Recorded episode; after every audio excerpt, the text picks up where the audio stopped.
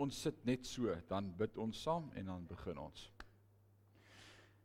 Ewige God en Hemelse Vader, as ons vanaand stil word met u woord, is ons so dankbaar dat u die woord elke keer vir ons kom oopbreek, kom verduidelik dat ons dit sal verstaan, dat ons lewe sal verander. Dankie vir die woord. Dankie dat ons wat 'n verhouding met u het kan getuig dat die woord vir ons lewend word en dat ons elke keer beleef hoe Johannes 1 van vooraf in ons lewe werklikheid word U die woord was by God en die woord was God en die woord het onder ons kom woon en die woon in ons harte deur die Heilige Gees. Dankie daarvoor. Ons eer U vir geleenthede en voorregte soos hierdie om stil te mag word met U woord. Ons wil bid Here as ons die woord oopmaak, praat met ons vanaand, met elkeen van ons. Dis my gebed in Jesus naam en sê ons sê amen en amen. Great Timoteus. Wat 'n awesome boek is dit nie? En uh, Timoteus word voorgesê deur Paulus. Paulus is sy mentor, sy pastor en hy deel met Timoteus awesome waarhede. En terwyl hy vir Timoteus skryf, hoor ek en jy wat sê hy vir Timoteus en leer ons ook sommer. Dis nie net 'n boek vir Timoteus gewees nie, dis 'n boek vir elkeen van ons. Vir elke gelowige. Laasweek het ons gedink praat ons net met die ouderlinge en die diakens en toe praat die Here met ons elkeen. Nee, elke een van ons. Uh ons het 'n verantwoordelikheid. So Paulus skryf aan sy jong pastoor, een van sy eerste jong pastore, en hy gee hom die goeie praktiese riglyne rakende die gemeente en die bediening en die gemeenskap. En hierdie boek verdeel homself in twee dele. Hoofstuk 1, 2 en 3 handel baie meer met die kerk as globaal. Dit gaan oor doktrine, valsprediking, valspredikers, leraars in die laaste dae. Oppas dat dit insyfer, dan praat hy oor toegewydheid, toewyding, hoe om te bid. Manne steek julle hande op, vroue sst, bly vra by die huis. Nee, hy het daai awesome hoofstuk hoofstuk 2 gewees wat nogal 'n challenge was, maar as ons dit verstaan soos wat hy dit bedoel, is dit eintlik so bevrydend. En dan hoofstuk 3 het hy laasweek met ons gepraat oor ons pligte en verantwoordelikhede as diakens, as uh, ouderlinge, as leraars. En ons het gesê elkeen van ons is in daai amp iewers in ons familie. Jy's 'n man of 'n vrou, oupa, ouma, jy het kinders wat vir jou kyk en na jou kyk en jy het 'n verantwoordelikheid. En dan kom die tweede helfte, hoofstuk 4 tot 6, en nou gaan dit oor individuele opdragte aan die kind van God. So vanaand begin hy nou met Timoteus direk praat. Hy seker nou klaar gepraat met die kerk en oor doktrine en oor leierskap en oor al hierdie dinge. Vanaand wil ek bietjie met jou praat. So vanaand is ook vir elkeen van ons uh in die boek, wat is die boek Timoteus? Ek like dit altyd om te probeer verstaan as ek 'n boek vat, wat is hierdie boek se sleutelvers? En elke boek het 'n sleutelvers. Het jy dit al ooit agtergekom? Elke boek wat ons vat het 'n sleutelvers wat vir jou die boek omskryf of oopsluit of laat verstaan. Wat is Openbaring se sleutelvers? Jy het dit Dion. Dion ek trots op jou. Sy stokkie vir jou na die tyd. Hoofstuk 1 vers 19 van Openbaring wat wat sê? Skryf hierdie dinge op, dit wat is, dit wat was en dit wat sal wees. Wat is? Met tatoute, wat is? God was nog van altyd af daar. Hy is van die begin tot die einde. Dan wat was? Praat oor kerkgeskiedenis en wat sal wees? Sewe tydperke, sewe eras kerkgeskiedenis. En as ons daai sleutelvers het, en ons lees Openbaring dan sien ons haai dis presies hoe dit in plek val. Hoofstuk 1 van Openbaring gaan oor God wat is van die begin af. Hoofstuk 2 en 3 kerkgeskiedenis. Hoofstuk 4 tot 19 dit wat nog gaan kom, 7 jaar verdrukking. Dan en das dit. Easy, een vers as jy hom verstaan. So wat sal julle sê is Timoteus, eerste Timoteus se sleutelvers? Ons ons het hom al gedoen. Ons het hom al gedoen. 1 Timoteus 3 vers 15, net so voor die einde van die hoofstuk laasweek het ons hom gedoen. En Paulus skryf hierdie en blaai net so bietjie terug. Hy sê ingeval ek vir 'n tydjie nog nie kan kom nie, sal jy weet hoe mense hulle moet gedra in die huishouding van God. Dit is die kerk van die lewende God wat die pilaar en stuk van die waarheid is. Waaroor gaan die boek 1 Timoteus? Om ons te help sodat ons weet hoe mense hulle in die kerk moet gedra, want die kerk van God is die pilaar van die waarheid wat vas staan. As jy dit mis, mis jy die waarheid van die boek. Dis waaroor die boek gaan. Dis waarmee ons besig is by woordskool nou 1 Timoteus. En so ons is vanaand in 1 Timoteus 4 en ons gaan daar saam lees van vers 1 af. Die Heilige Gees leer ons duidelik dat in die laaste dae yes, nou kom ons pos gou 'n oomblik en ons vra vir mekaar die vraag: Dink julle Paulus het gedink hy's in die laaste dae? Dink julle hy het gedink dit gaan nog 2000 jaar vat voor die laaste dae laaste dae gaan wees? Ek dink nie so nie. Die Heilige Gees maak aan hom hierdie waarheid bekend en hy gaan sê die Heilige Gees het dit op my hart gedruk en die Heilige Gees het dit vir my getuig en ons gaan vanaand weer dit hoor as hy dit weer 'n keer sê as hy oor iets praat. En dan en dan dink hy dis dis een van die dae in die laaste dae want hy deel dit met Timoteus en hy sê vir Timoteus jy moet oppas want in die laaste dae gaan dit so wees. Met ander woorde amper asof hy vir Timoteus sê jy's nou nog jonk jy's nog 'n kind ons gaan dit vanaand sien. Moenie jou jonkheid verag nie Maar jy gaan sien hier as jy op jou ouderdom kom, die laaste dae, gaan hierdie goed begin hand uitdruk. Dat Timoteus is al 2000 jaar terug dood. So ek wonder of hy gedink het dit gaan so lank wees. As ek dink aan die aan die lewe van die disippels op aarde, uh, hulle het nie die evangelies neergepen soos wat dit elke dag gebeur het nie. Onthou julle ek, ek sê dit vir julle. Hulle het nie dagboek gehou en elke aand het Matteus gaan sit en uitgeskryf, "Jesus, wat het vandag nou weer gebeur? Waar was ons? O, ons was daar." En dan skryf hy, "Nee, Nie een van die evangelies is dadelik geskryf nie. Vir 3 jaar was hulle die disippels en volgelinge van Jesus en toe is dit die hemelvaart, Handelinge 1 en die engele sê vir hulle net soos wat julle hom sien, gaan net so sal julle hom weer sien terugkom. Moenie moenie so kyk na die hemel nie, hy gaan weer kom gaan julle in wag in Jerusalem en hy gaan julle aandoen met krag uit die hoogte. En toe sê Jerusalem toe en toe begin die vervolging van die kerk kom. Stefanus betaal met sy lewe, hy word gestenig en die disippels begin een vir een sterf. En toe besef hierdie ouens, ja, ons gaan hierdie goed moet begin neerskryf wat ons beleef het. Ons het gedink die Here gaan al terug wees. Maar daai ek min jy kom so vanaand nie. En toe inspireer die Heilige Gees hulle en herinner hulle aan goed wat hulle gesien het en gehoor het en hulle gaan dink daaroor en hulle begin skryf en Matteus skryf Matteus, Markus, Lukas, Johannes. En so word die evangelies gebore.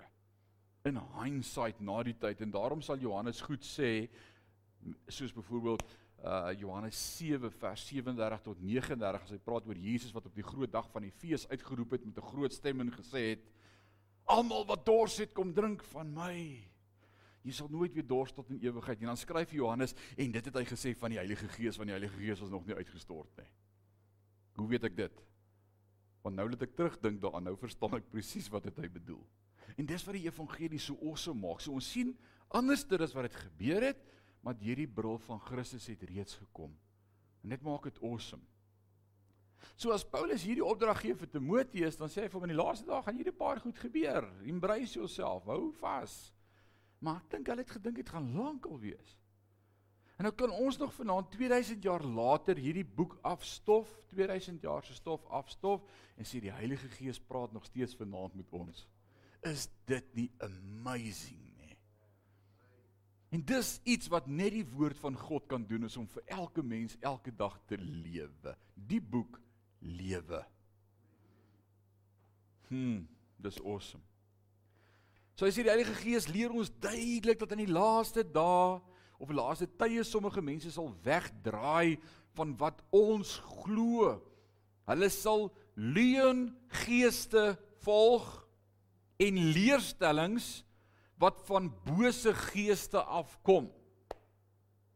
Just like. Nou sê vir my maar ons is dan nou nog daarom nie in daai dae nie. Dan gaan ek nou vanaand vir jou bietjie sjok met wat mense regtig glo om ons en waarmee hulle besig hou.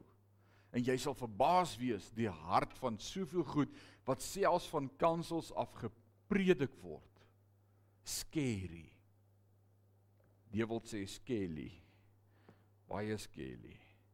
So Paulus leer vir Timoteus en hy sê vir hom: "Wees 'n goeie pastor, 'n goddelike pastor, 'n groeiende pastor."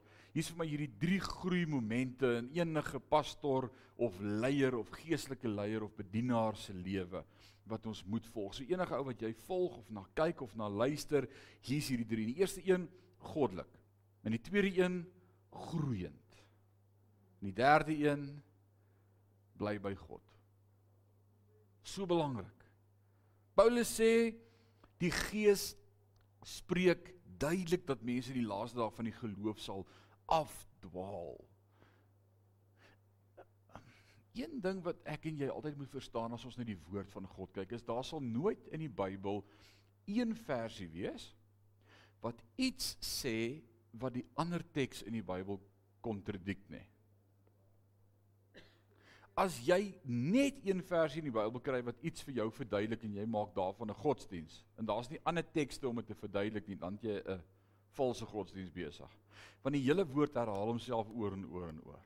Hierdie gedagte wat Paulus hier kry om te sê dit soos wat dit in die laaste dae sal wees. Herinner my ons nou aan die woorde van Jesus self in Matteus 24 vers 12.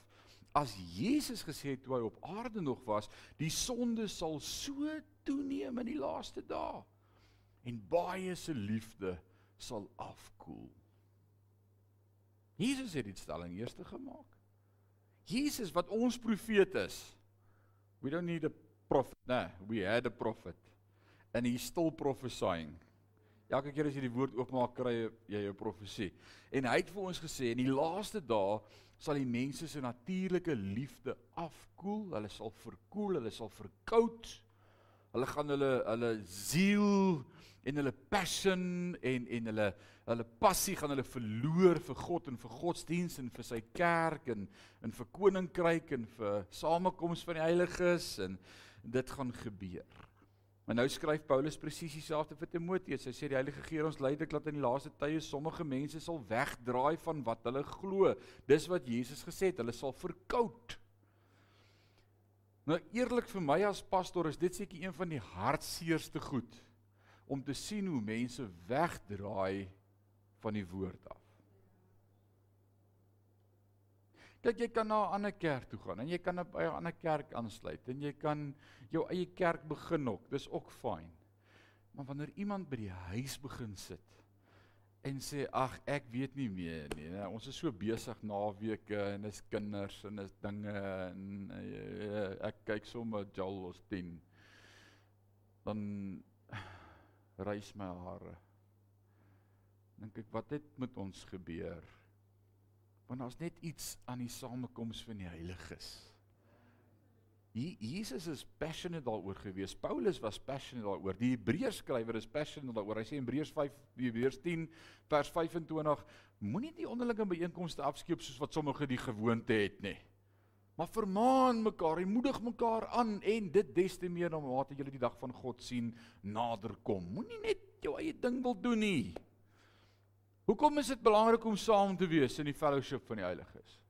Hoekom kan ek nie TV kerk en op my eie daar rustig by die huis wees of iemand sê vir my ek kerk sommer daar onder die boom of Kobus sê ek kerk as ek vishou waar by die viswaters. Ek vang Sondag vis want dis my connection met die Here. Dis great. Jy kan dit vir 6 dae doen, maar die 7de dag as jy saam met ons hier, hoekom is dit belangrik? Hoekom is fellowship belangrik? Jy was op Facebook onlangs.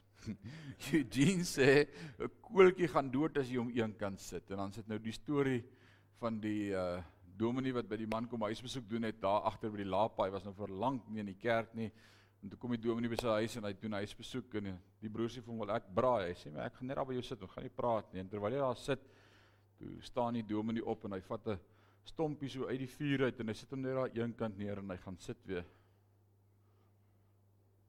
Nou kyk jy uit die dominee, nou. Hulle praat nou nie. Naderhand toe gaan die ou vuurtjie dood en hy begin net rook. Toe staan jy op en hy vat die stompie en hy sit hom terug op die vuur en hy gaan sit en hy sê: "Nou ek verstaan. Sondag toe sy in die kerk." Ek dink daar's iets daaraan wanneer ons so saam is. Daar's 'n paar faktore, daar's 'n paar goed wat gebeur. In die eerste plek, ek kan nie op 'n dwaal leer wees of met my eie dwaal besig wees nie, want hier's getuies wat saam met my getuig. Ons het vanaand reg gehoor. Ek kan nie vanaand sê ek het iets anders gehoor nie. On, ons ons praat uit een hart, uit een mond. God praat met ons. Daar's samesyn. Ons kan getuig. My gees getuig met jou dat ons kinders van God is. Die Heilige Gees praat met ons. Daar's iets uh, die die Engels sê dit so mooi, the corporate anointing. Nee, daar's nie 'n mooi Afrikaanse woord vir dit nie. Koöperatiewe salwing. Maar wanneer jy alleen bid, is dit lekker partykeer. Maar Jesus vanmôre met die worship, as almal hulle hande opsteek en ons begin aan bid en Jesus hier hier's krag, hier's dinamos krag. God se gees beweeg. Ek hoef niks eers te sê nie. Hier's wow, die Here is hier. Is dit nie amazing nie? En dan die getuienis gewoonlik na sulke belewennisse wat hulle sê, hoorie, maar ek het nog terwyl ek aan bid, hoe's ek gesond en hierdie pyn is weg en is vir ek ek ek bedoel dit regtig nou vanmôre terwyl ek in die tweede diens was. Toe sit ek op 'n stadium en ek kom agter Jesus, maar ek het hierdie spasma in my nek. Dit is so seer. Nou dat ek my nek vat en daaroor dink, besef ek hy's weg. Ek ek ek het tog nie weer spasma gehad nie. Ek besef dit nou. Ek onthou in die tweede diens terwyl die sang is aan die gang was, het ek op die stadium so gemaak, toe dink ek, liewe genade, hoe gaan ek hierdie ding wegkry? Dis die laaste keer wat hy daar was. Want dis wat gebeur. Wow, dis dis getuienis. Want dis wat gebeur wanneer ons saam is. Is, is die Here beweeg en hy werk. So moenie daai koeltjie op jou eie wees wat jou eie ding doen nie. Moenie een kan wees nie, want dan gaan ons leengeeste begin volg en dan gaan ek hoor wat sê die buurman vir my en dan gaan hy vir my iets forward wat 'n ander buurman vir hom gestuur het en net toe net is ek besig met 'n duister ding en die woord sê dis 'n leengees en leerstellings wat van bose geeste afkom. Met ander woorde, bose geeste gaan lering in die kerk begin gee. Ons gaan nie meer God se woord oopmaak nie then it's not good news anymore. We're going to have good views. And it's going to be demonic inspired. Mag ons altyd met God se woord sit. Ek is persoonlik vas oortuig dat jy nie jou verlossing kan verloor nie.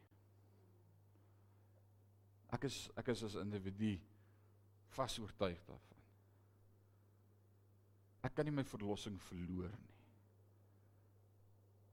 Maar kom ons sê eers want Jesus sê in Johannes 10 ek hou jou vas in die holte van my hand en niks sal jou daar uitdruk nie. Nou ek het gaan kyk wat beteken daai woordjie niks in die Grieks. Jy kan nie raai wat dit alles beteken nie. Dit beteken letterlik niks. Dis dis ek ek was so geskok. Ek kon nie glo dit beteken regtig niks nie. N nie nie behalwe nie. Net soos die dapper meisie wat sê behalwe vir 'n daar's da niks wat my kan skei van God se liefde nie. Maar ek glo jy kan kies om jou redding te verlaat. Dit 'n keuse om te sê ek is klaar met hierdie twak ek gaan by die huis bly. Ek het nie meer lus vir hierdie goed nie. Ek weet nie regtig of Jesus vir my gesterf het nie. Ek glo nie eers hy het gelewe nie. En ons het dosente deesdae van teologiese fakulteite van universiteite in ons land wat sulke verklaringe maak. Ons dink nie Jesus het regtig opgestaan uit die dode nie. Dit was 'n geestelike uh, uh, inkarnasie gewees van die Gees wat oorgedra het op sy disippels. Hy het in hulle opgestaan. Dit is leerstellings van bose geeste en vals. Dis nie die woord van God nie. En hulle doen dit onder die vaandel van godsdiens. Dis scary ouens. En dit wat jong proponente en dominees geleer word en daarom is daar soveel verdeeldheid en soveel groot kerke oor die chaos waarmee hulle besig is en hoe hulle dit wil regverdig en wat hulle wil glo en ek skiet geen kerk af nie al wat ek vanaand wil sê vir elke ou bly by die woord van God If it's new, it's not true. And if it's true, it's not new. It's been there all along. God said it and that settles it. Bly by die woord. Ek glo ons leef in baie moeiliker dae as wat die eerste kerk van Handelinge beleef het op aarde. Kom ek skets net eers hulle se scenario. Dit word rofweg bereken dat omtrent 6 miljoen Christelike volgelinge in die eerste 200 jaar van Nuwe Testamentiese kerk met hulle lewe betaal het.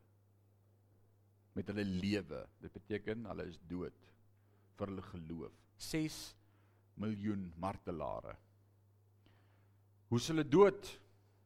Wel ons weet keiser Nero wat 'n terrible man was, het geïnspireer deur demone en bose duiwelgeeste poedelnakend op sy perdekarretjie deur sy paleis se tuine gejaag in die nag nadat hy Christene vervolg het en hulle in potte kookolie en kers was gedoop het. En as hulle dood is daai liggame as fakkels aan die brand gesteek het in sy paleis se tuin honderde van hulle en dan poedelnakend op sy perdekarretjie op en af gejaag deur sy tuine terwyl hy op die top van sy stem skree allerhande hulle vervloek as Christen uit uit. He blaspheme against him. En, en dan het hy goed geskree soos brand julle Christene julle is mos die lig van die wêreld. Dat julle liggies brand Dit was terrible vervolging. O, oh, ek ken dit, nê? Maar ek wil sê ons kerk het dit baie moeiliker as hulle. Daai 6 miljoen martelare vir Christus is gekruisig gestenig middeldeur gesaag verlies gevoer in kookolie of kerswas gedoop met swaarde deurboor op brandstapels aan die brand gesteek. Party is deur die guillotine onthoof. Hulle betaal met hulle lewe deur die Romeinse keisers. Maar die vyand het 'n probleem gehad want ten spyte van vervolging van die kerk het die kerk met rasse skrede gegroei.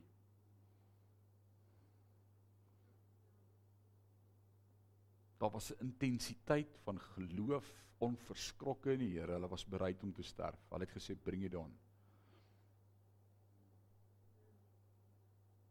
En toe vul hy 'n lidmaatskap vormpie in by 'n gemeente en hy join. En toe verander alles, want ons het nie meer vervolging nie. Daar's nie teenkanting nie. Daar's nie gevolge nie. En toe wat gebeur met kerk? Daar's 'n vervlouing, 'n afwatering, 'n wegval the Bible speak about the apostasy, daai die wegval van die heiliges, die aan die slaap raak. Jesus het dit voorspel in Matteus 24 as hy sê die natuurlike liefde gaan verkoel. En dit beleef ons in ons dag. Gelowiges, ouens wat nog altyd geglo het wat jy glo, saam met jou op die pad was en net ewe skielik fyn is om by die huis te bly. Dis is ag wat. Dis hartseer. Maar dis wat die woord gesê het hoe dit gaan wees.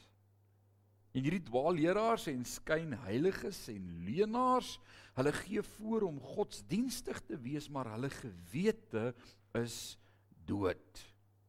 En hierdie idee dat manne duiwelse doktrines sal deel is aan die orde van ons dag. In ons eie land en ons eie township sommer hier naby word daar goed geglo dat uh vir 'n paar rand spuit ek die duiwel dood met 'n blikkie doom was so 'n paar jaar terug kwaai in die nuus gewees, né, oor almal wat gedoem is. Doomsday, doomsday, doomed. Uh spyt nie die duiwel met doom, asseblief. My werker vertel my van wat gebeur in hulle kultuur en hoe daar predikers is wat sê ons eet slange en ons doen allerlei dinge en oh man. Ek wil nou nie vanaand die naam sê van hierdie beweging nie, maar dit het ek vir 'n feit gehoor. En, en ons ken hulle almal, hulle dra so badge wat sê aan watter kerk hulle behoort.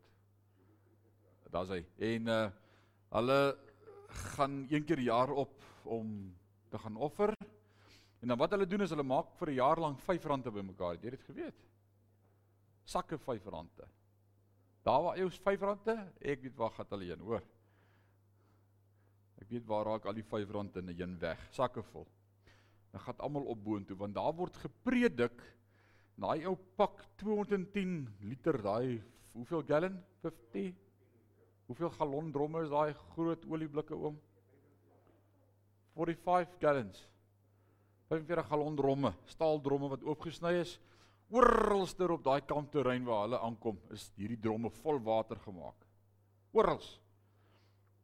En dan is die geloof wat gepredik word, is jy kom om 'n blessing te ontvang. In soveel R5 as wat jy ingooi, daai water wat oorloop, dis die mate van die seën wat jy gaan ervaar. En hulle gooi sakke vol R5 in. Hulle is honger vir 'n blessing. Maar een ou is besig om homself te verryk.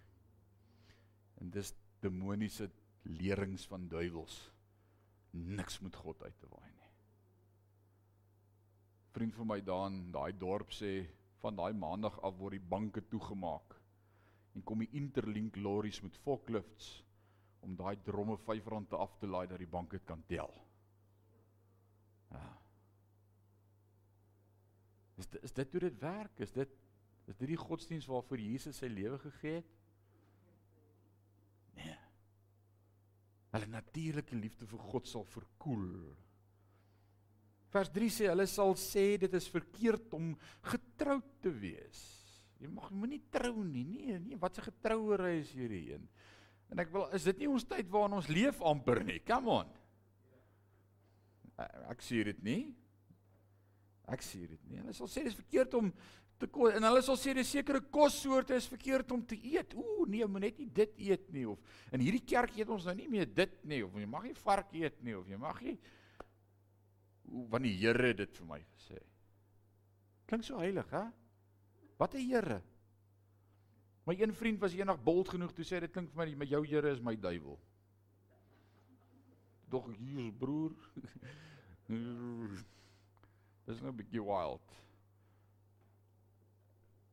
Maar Paulus sê vir, vir, vir Timoteus in die laaste dae gaan dit so gaan. Mense gaan wette op julle lê en julle vasbind aan riglyne. Hy sê maar God het daardie kosse geskep om met dankbaarheid geëet te word deur mense wat die waarheid ken en glo.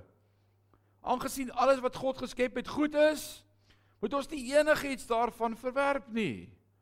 Ons moet dit met blydskap ontvang, met dankbare harte, want ons weet dit word deur die woord van God en gebed aan God toegewy. Bid daaroor, wees dankbaar, sê vir die Here bless hierdie kos. Ek eet dit, moenie navraag doen nie, sê 'n ander teks, né? Moenie vra hoorie waar kom hierdie vleis vandaan nie. Sê net vir die Here dankie, dit kom alles van hom af van eet dit. Moenie eers vra wat is dit nie. Eet net. En skielik in ons dag hoor ons hierdie goed. Met ander woorde mense wat namens God praat. Hulle het hierdie revelation gehad van die Here. Moenie trou nie, mag nie dit eet nie, moenie op die dag kerk hou nie. Jy hou kerk op die songod se dag. Come on. Waar dink jy kry Saterdag se dag vandaan? Was dit nie dalk Saturnus nê? Rarig is die een nou beter as die ander een. 'n Dag is 'n dag, elke dag is deur God gemaak. Hy is die God van elke dag. Hy is die God van die Sabbat. In hom is alles volbring. Hy is my saligmaker. Hy is die weg na die Vader. Elke dag is 'n heilige dag. Dis klomp nonsens. God se woord sê eet wat jy wil eet. En as jy vegetariër is, kry dit vir jou. Dis bly vir jou.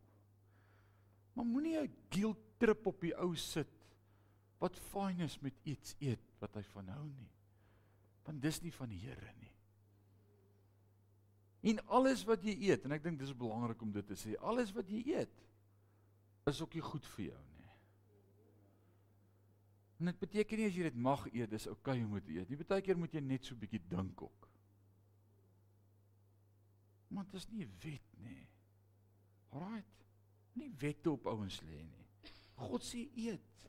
God maak ons vry van wette en wat wetties is en nie wetties is nie.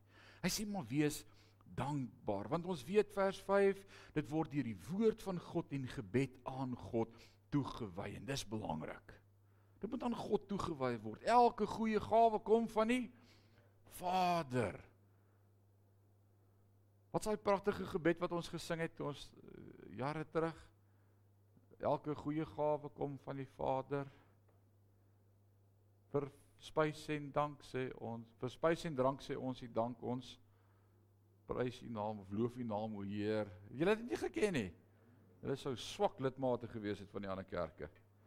Wil nie julle liedjies geleer het by die huis nie. Om sê ek skaam vir hulle. Rarig. Elke goeie gawe kom van die Vader. Die woord leer ons dat al die levitiese reëls en riglyne en regulasies rigtingwysers was om ons te wys na God. Om ons insig te gee Maar nie om ons wetties te maak nie. Hoor wat sê Kolossense 2 vers 16 en 17? Kolossense 2 sê maar moet dus net toelaat dat enige iemand sê saam met my enige iemand julle veroordeel oor wat julle sal eet of drink of oor die vier van sekere feesdae of die nuwe maansfeeste of sabbate nie. Net hulle julle oordeel nie. Al hierdie dinge is net 'n skade weer van wat sou kom. Die ware werklikheid is Christus. Waaroor gaan alles? Het jy verhouding met Jesus? Hy gaan nie eendag vir jou vra hoor hoeveel Sabbat het jy gehou of wanneer het jy kerk toe gegaan of hoe nee, het jy 'n verhouding met hom? So hou in gedagte Paulus praat met 'n jong pastoor en hy gee vir hom raad in die toekoms en hy praat oor valspredikers en wette wat mense op hulle ouens guilt trips gaan lou en dan sê hy maar jy Timmy Timmy jy preek net die waarheid. Preek Christus.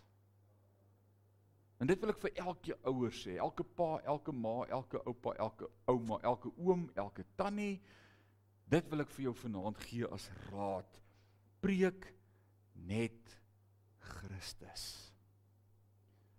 As jy nie weet wat om te antwoord nie, dan sê jy, my kind, die Here weet. Die Here weet. Kan ek dit kan ek dit sê? Hoekom dink ek nou daaraan? Ha? Kan ek dit noem? Tannie Rini van Brand. Sy ouma het hom groot gemaak as die Here wil. Né? Nee, Dit reg, ouma het hom geleer van kleins af as hy iets vra en sê as die Here wil, sal ons dit doen, ouma. En toe nou die dag toe vra sy pa van waarom maak jy klaar met die universiteit? Toe sê hy as die Here wil.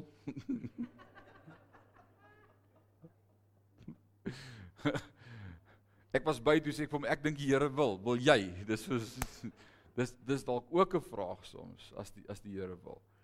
So Paulus sê vir Timoteus, spreek net Jesus, spreek Jesus. Vers 6 sê as jy dit aan die broers en susters voorhou, sal jy jou plig doen as 'n waardige dienaar van Jesus Christus, een wat gevoed word deur die boodskap van geloof en die ware lering wat jy navolg. Jesus is die enigste punt. Hy's die belangrikste punt, hy's die beste punt. Jesus. 'n Goeie prediker preek Jesus. Nie die ete of wette of kosse of trou nie, hy preek Jesus. Vers 7 sê vir my so mooi by, sê moenie tyd verkoos met redenasies oor goddelose idees of ou vrou stories nie. Nou hierdie het ek net te laat in my lewe gebesef. Want daar's 'n tyd in jou lewe wat jy almal wil change en wil indoktrineer en wil van mind verander en jy wil tot laat in die nagte met hulle filosofiese gesprekke hê tot in Venus van wie is wat en hoe pas dit in die Bybel en yes like kom het ek hierdie vers vroeër in my lewe geleer nie? Moenie tyd verkwis met redenasies oor goddelose idees en ou vrou stories nie. Bestee jou tyd en energie daaraan om jouself te oefen tot geestelike fiksheid. Wat moet ek mee besig wees? Geestelike fiksheid. Ek moet my beoefen na die gees. Bly net die belangrikste punt Jesus. As jou kind vir jou raad vra en sê al wat ek weet is Jesus leef, Jesus het die antwoord, Jesus weet die beste, Jesus sal sorg, Jesus verstaan, Jesus is alles. I rest my case. Jesus. Wat moet ek doen? Ek weet nie wat moet ek besluit nie. Jesus. Hy gaan vir jou sê, moenie jy worry nie. En dis al wat ons moet preek is Jesus, Jesus, Jesus. En as jy moenie tyd vir kwes met redenasies oor goddelose idees en ou vrou stories nie, mitologie. Dogma. Filosofie. Moenie met hierdie goed besig raak nie. Moenie begin filosofeer nie. Eers daar was so tyd in my lewe wat ek gedink het filosofie is die beste ding wat daar is. Eers ons kon tot laat in die aand. Ek en my een vriend daar in Bloemfontein kon Jesus ons het die een hele nag net dan sê hy dit dan stel ek net die stelling andersom. Ek onthou daai aand het ek hierdie stelling gehoor. No man is an island unto himself. Dink ek, "Wow, dis diep." Vat jy so sluk rooiwyn dan draai hom om en sê island can be an island unto any man. Dis soos dis filosofie. Jy kan van van al die kante af kyk en dit is wow, waar jy daar aangekom, hè. Dis twak. Paulus is nonsens. Van watter God is jy afkomstig? Wat is jou sterre teken? Wat sê die sterre vir jou? Hoe loop die dinge? Gooi die boog water? Is die maan? Hoe lyk die maan nou? Moet ons plant of nie? Die ou mense sê mos as hy water gooi, dan moet jy plant. As hy opwys, dan maak hy water by Ag, nee man. Bly net by die woord, ouens. Vers 8. Spesiaal vir ons jong manne hier in Sion. liggaamlike oefening het wel waarde en in die oorspronklike teks staan daar eintlik dis van korte duur myne genut maar geestelike oefening is baie belangriker met ander woorde as jy uur in die gim was moet jy ten minste 2 ure bid want dit het nut dit laat jou nie so sweet soos in die gim nie dis die beste jy ryk vas En dit het nut, dit het ewigheidswaarde. Dit gaan vir jou tot in hiernamaal se loon bewerk by God. Jim, jy asem uitblaas is alles verby. Dis klaar. Jy vat niks saam nie. Inteendeel, uh, baie baie sterk navorser het die volgende bepaal. Die universiteit het 'n studie oor gedoen toe sê hulle vir elke uur wat jy in die gim spandeer, verleng jy jou lewe met 'n uur. Dink gou daaroor. Vir elke uur wat jy oefen, sit jy 'n uur by jou lewe by. Nou oefen hulle 'n hele jong lewe, die heeltyd in die gim net om 'n paar ure langer in 'n ouer huis te sit voordat hulle vergaan van ellende. Dis belaglik. Plaas leef jy jou jong lewe uit sodat jy vroeg doodgaan en by die Here is, het jy lank geoefen, jou hele jong lewe geabuse en jy sit in die ou huis en wag vir die dood om te kom haal. Toe ek dit verstaan, toe sê ek, Here, ek verstaan dit. Amazing. Come on, regtig? Regtig. Ek, ek ek sê nie moenie oefen nie. Ek sê nie moenie oefen nie. Balans. Dit moenie die belangrikste ding in jou lewe wees nie. As dit die belangrikste ding in jou lewe is, daar 'n probleem. Hoe weet ek dis nie die belangrikste ding in my lewe nie? Want ek's bereid om meer tyd aan ander goed te spandeer. As ek 'n uur doen, kan ek 2 ure bid, kan ek 3 ure Bybel lees kan ek 21 dae vas. Geestelike oefening is baie belangriker. Want dit hou die belofte van 'n beloning sowel in hierdie lewe as in die volgende. Dit dit dit iets for eternity. Dis 'n dubbele blessing nou en later. Dis 'n betroubare boodskap te my. Een wat verdien om ten volle aanvaar te word. So hierdie is 'n betroubare boodskap. Dis 'n great boodskap. Dis 'n awesome boodskap. Dis dis dis hiervoor vir hierdie betroubare boodskap vers 10 is ek bereid om dood te gaan. Hy sê vir hierdie boodskap, hiervoor swoeg en veg ons want ons hoop is op die lewende God wat die verlosser is van alle mense en veral van die wat glo. En ons het vanmôre met ons derde reeks besig of vir derde Sondag besig gewees oor wat hoop jy voor? Wat is hierdie hoop? En nou skryf hy hier, hy sê want ons hoop is op die lewende God wat ons verlosser. En hier by Sion vra ons vir mekaar in die oggend, waar's jou hoop? En ek hoop dit gee jou hoop. Ek glo dit gee jou hoop. Ek weet dit gee jou hoop want jy kry nuwe krag wanneer ons fokus op hom. So die vraag is waarop hoop jy? Op die lewende God wat die verlosser is van alle mense. Dis my hoop. On Christ the solid rock I stand all others sand is Lisel Wat sê die song? He's sinking sand. Ek sou 'n swak baptis uitgemaak het. All others sand is sinking sand. Only Christ is the solid rock on which I stand.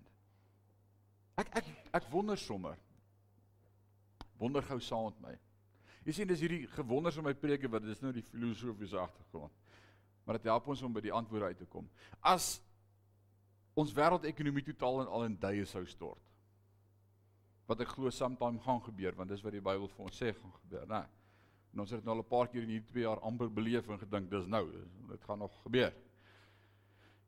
En ons sal een wêreldheerser kry wat in beheer kom van die hele wêreld, soos wat die Bybel sê dit gaan gebeur. By the way, moenie nuus wees vir jou nie. En hy sou 'n wet uitvaar. 'n Bevel wat sê alle Christene word met die doodstraf. Almal, alle Christene kry die doodstraf. Split jou bure, split jou vriende, split jou familie as jy weet hulle is Christene. Hier is die hotline stuur WhatsApp, ons kom hulle oplaai. Dan wonder ek hoe veilig baie van julle gaan wees.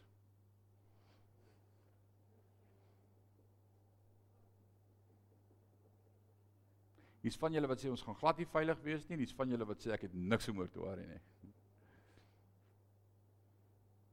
My bure weet darm nie ek is 'n Christen nie. Ek praat nooit met hulle oor die Here nie. Hoor jy wat ek sê? Almal wat met my te doen het in my lewe weet presies wat hoop ek want ek bely dit want ek sê dit dag en nag want ek praat daaroor tydig en ontydig. En jy's vanaand sê ek ook. Ek praat oor die hoop wat ek het.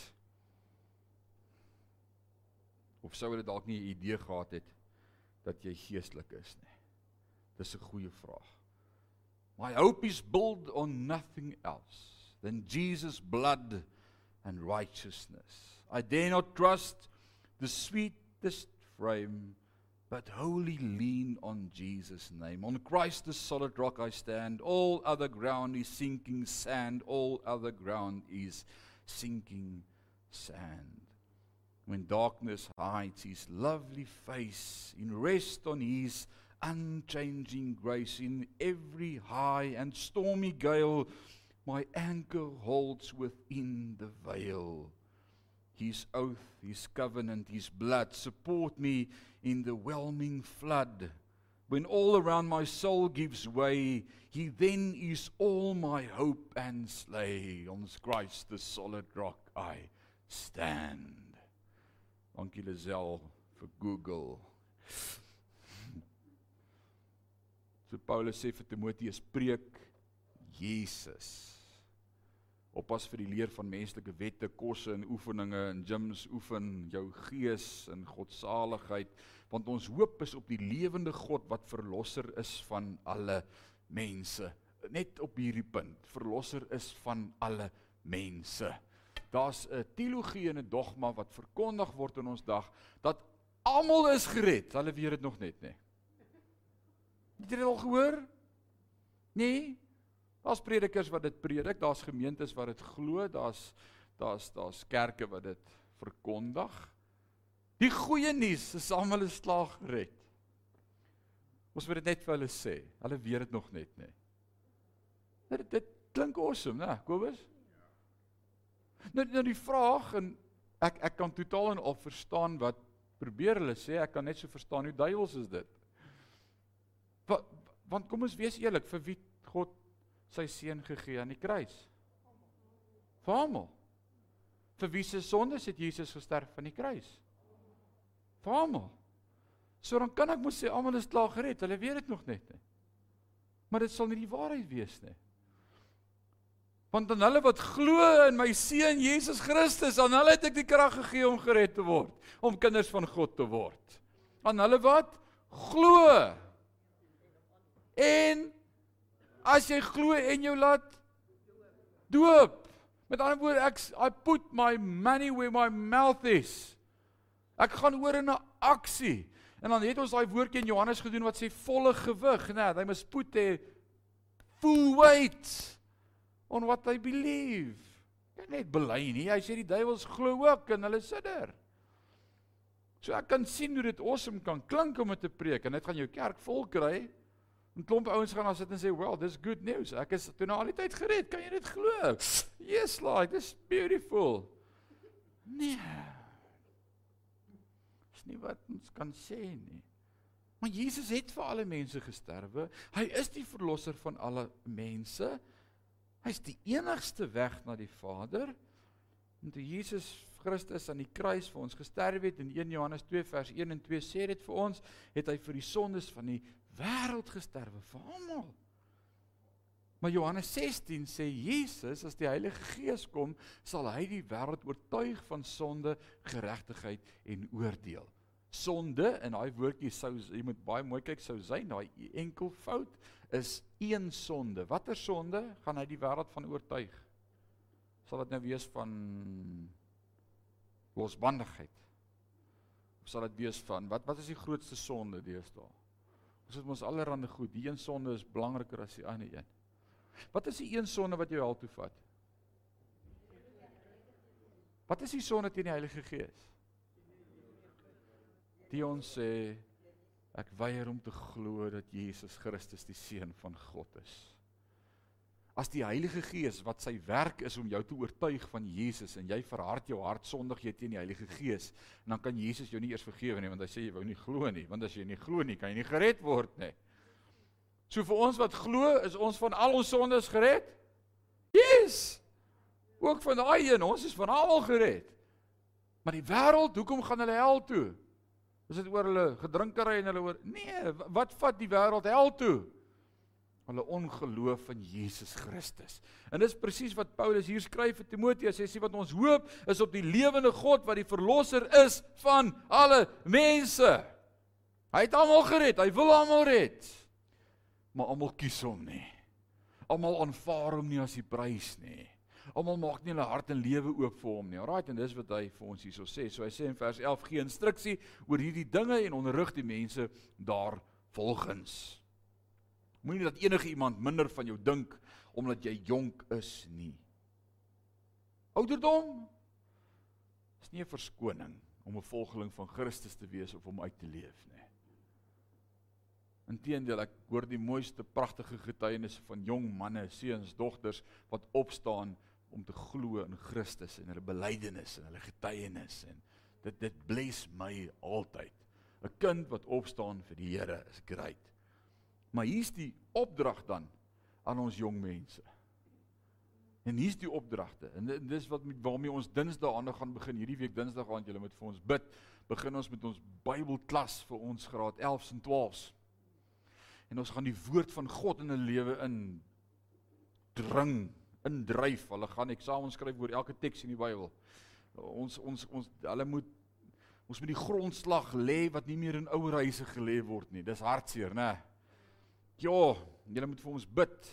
Maar hier's die goed wat jong mense moet doen en moet wees. Hy sê vir Timoteus: "Wees 'n voorbeeld vir alle gelowiges deur wat jy leer in die manier waarop jy lewe, in jou liefde, jou geloof en jou integriteit.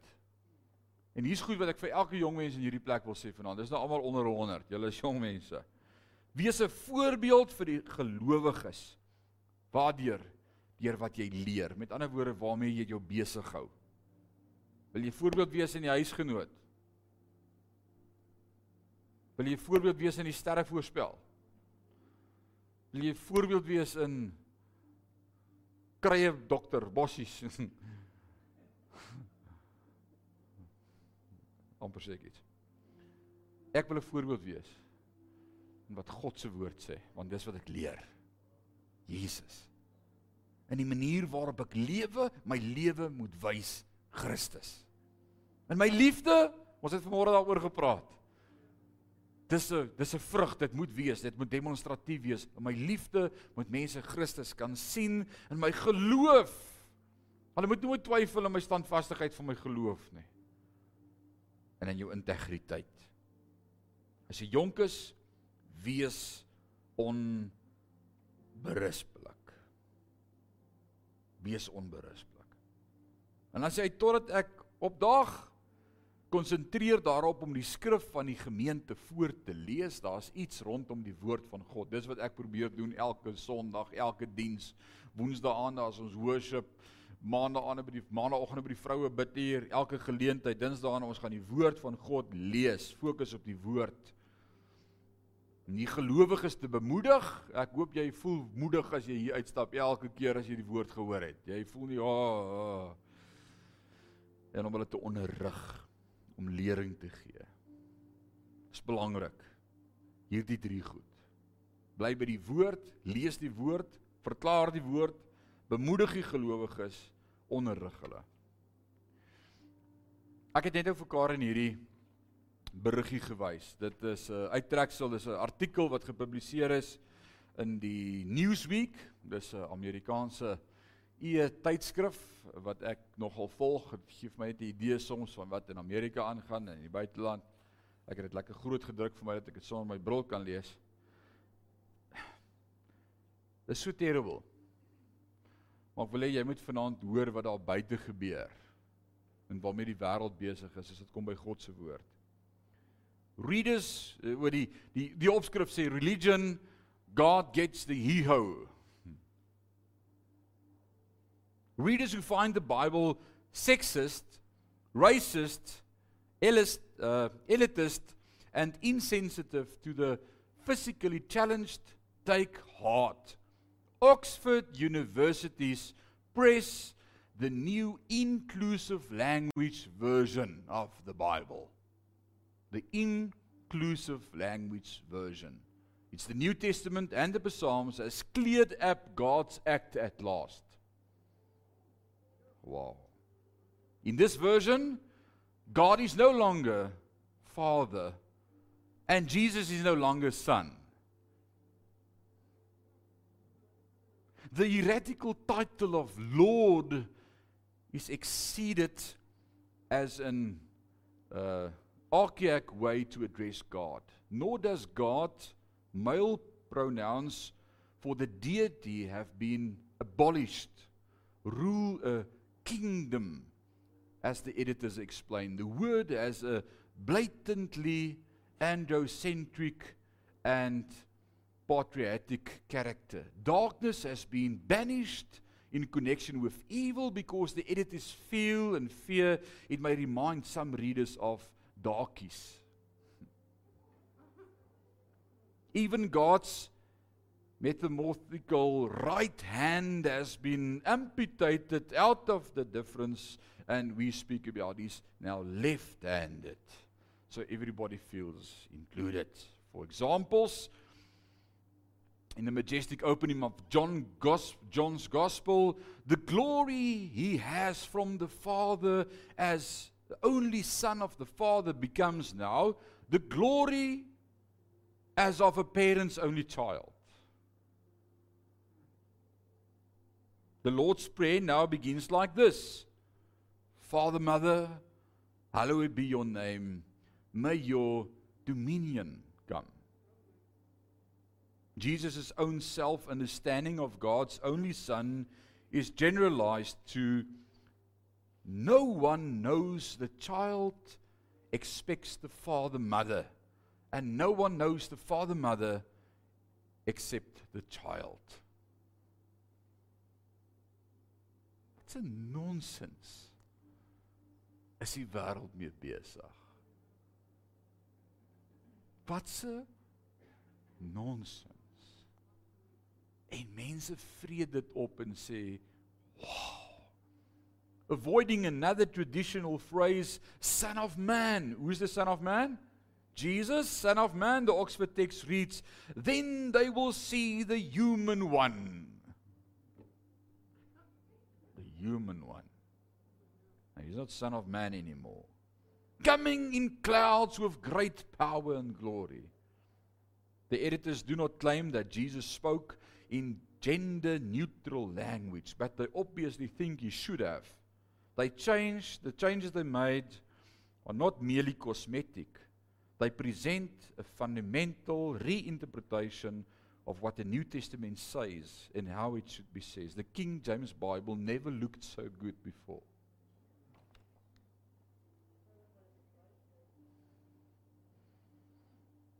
Mag die Here ons help om te bly by die woord van God. SH Spurgeon, ek is baie baie lief vir Spurgeon. Hy is 'n fenomenale geestelike mentor in my lewe met sy verstaan van die woord. En hy sê die volgende: A congregation will forgive a minister for not being organizationally or maybe a good counselor or a faithful visitor. But a congregation will never forgive a pastor if he cannot teach the word of God clearly. Wow. En dit tref my elke keer so hard diep in die hart. Mag die Here ons elkeen help.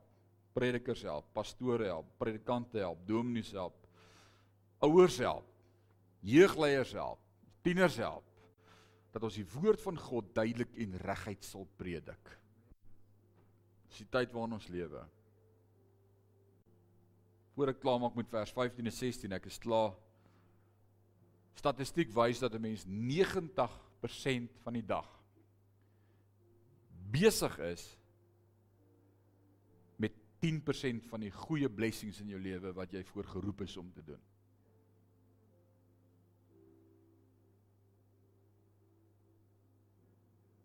10% van die dag spandeer jy aan die goed wat jou calling is en die ander 90% aan die nonsens van die goed wat jy nie kan goed doen nie.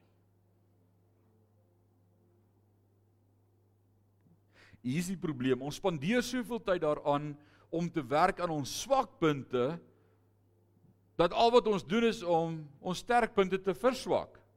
Want ons beoefen dit nie. So as jy 'n bidder is, bid. As jy is wat sit met die woord van God, sit met die woord van God. As jy 'n teacher is, teach. As jy 'n worship leier is, lei worship. Maar ons spandeer ons 90% van ons tyd aan die goed wat ons nie goed doen nie, net om die goed wat ons kon doen te verwaarloos.